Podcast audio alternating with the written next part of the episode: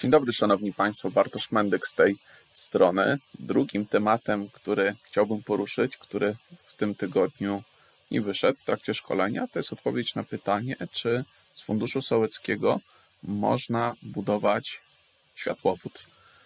E, no i trochę się nad tym zastanawiałem i oczywiście tutaj trzeba odpowiedzieć sobie na pytania, czy warunki formalne ustawy o Funduszu Sołeckim są spełnione. No i jakie to są wymagania? No, jak Państwo wiedzą, ta ustawa o Funduszu Sołeckim wskazuje, że one są trzy. Po pierwsze, musi być to zadanie własne gminy. Po drugie, musi być zgodne ze strategią rozwoju gminy. Po trzecie, musi poprawiać warunki życia mieszkańców. No i o ile ten drugi i trzeci łatwo mm, wskazać, to należy się zastanowić, czy jest to zadanie własne gminy. No i oczywiście w ustawie o samorządzie gminnym takiego zadania nie znajdziemy, ale jak Państwo wiedzą, w innych ustawach takie zadania gminy również są nakładane. No i teraz, czy jednostka samorządu terytorialnego, czy gmina może się tym zająć? No i jest ustawa, która takie zadanie przewiduje mianowicie ustawa z dnia 7 maja 2010 roku o wspieraniu rozwoju usług i sieci telekomunikacyjnych.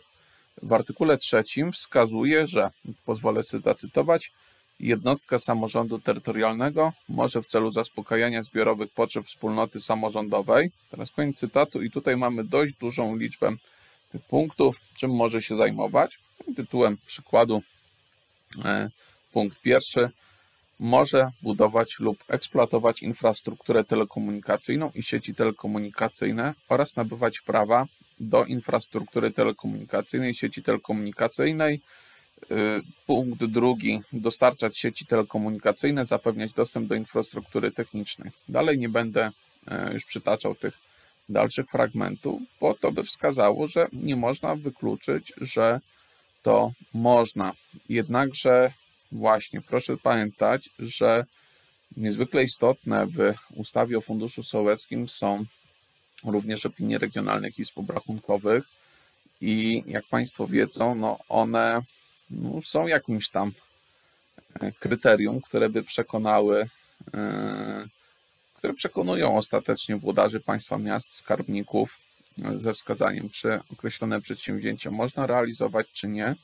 No i tutaj bym chciał się powołać na różnego rodzaju opinie, e, które Regionalna Izba Obrachunkowa Zachodniopomorskich Szczecińska wyraziła i ona na przykład wskazała swego czasu, że e, niektórych zadań nie można realizować. No i takim zadaniem jest na przykład realizacja dużych zadań inwestycyjnych, jak choćby kanalizacja gminy czy budowa dróg gminnych.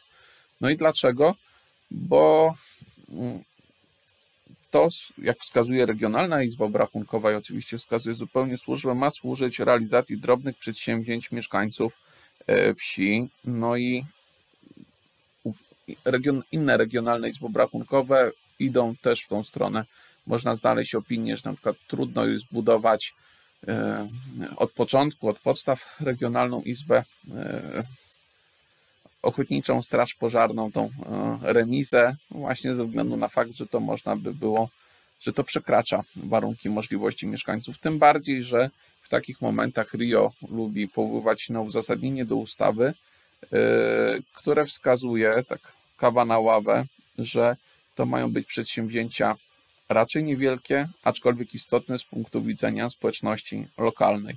A więc podsumowując to wszystko, na pytanie, czy można budować światłowód, no ja uważam, że samej budowa światłowodu jest niedopuszczalna.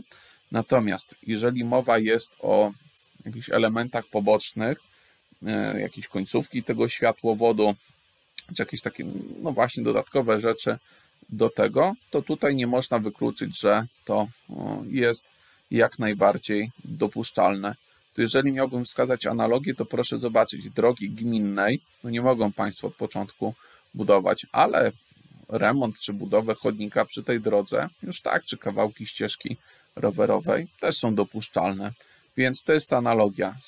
Y, tak jak nie można budować drogi, ale drobniejszą infrastrukturę przy niej już można budować, poprawiać. Taki światłowodu nie mogą Państwo budować, ale dodatkowe elementy, końcówki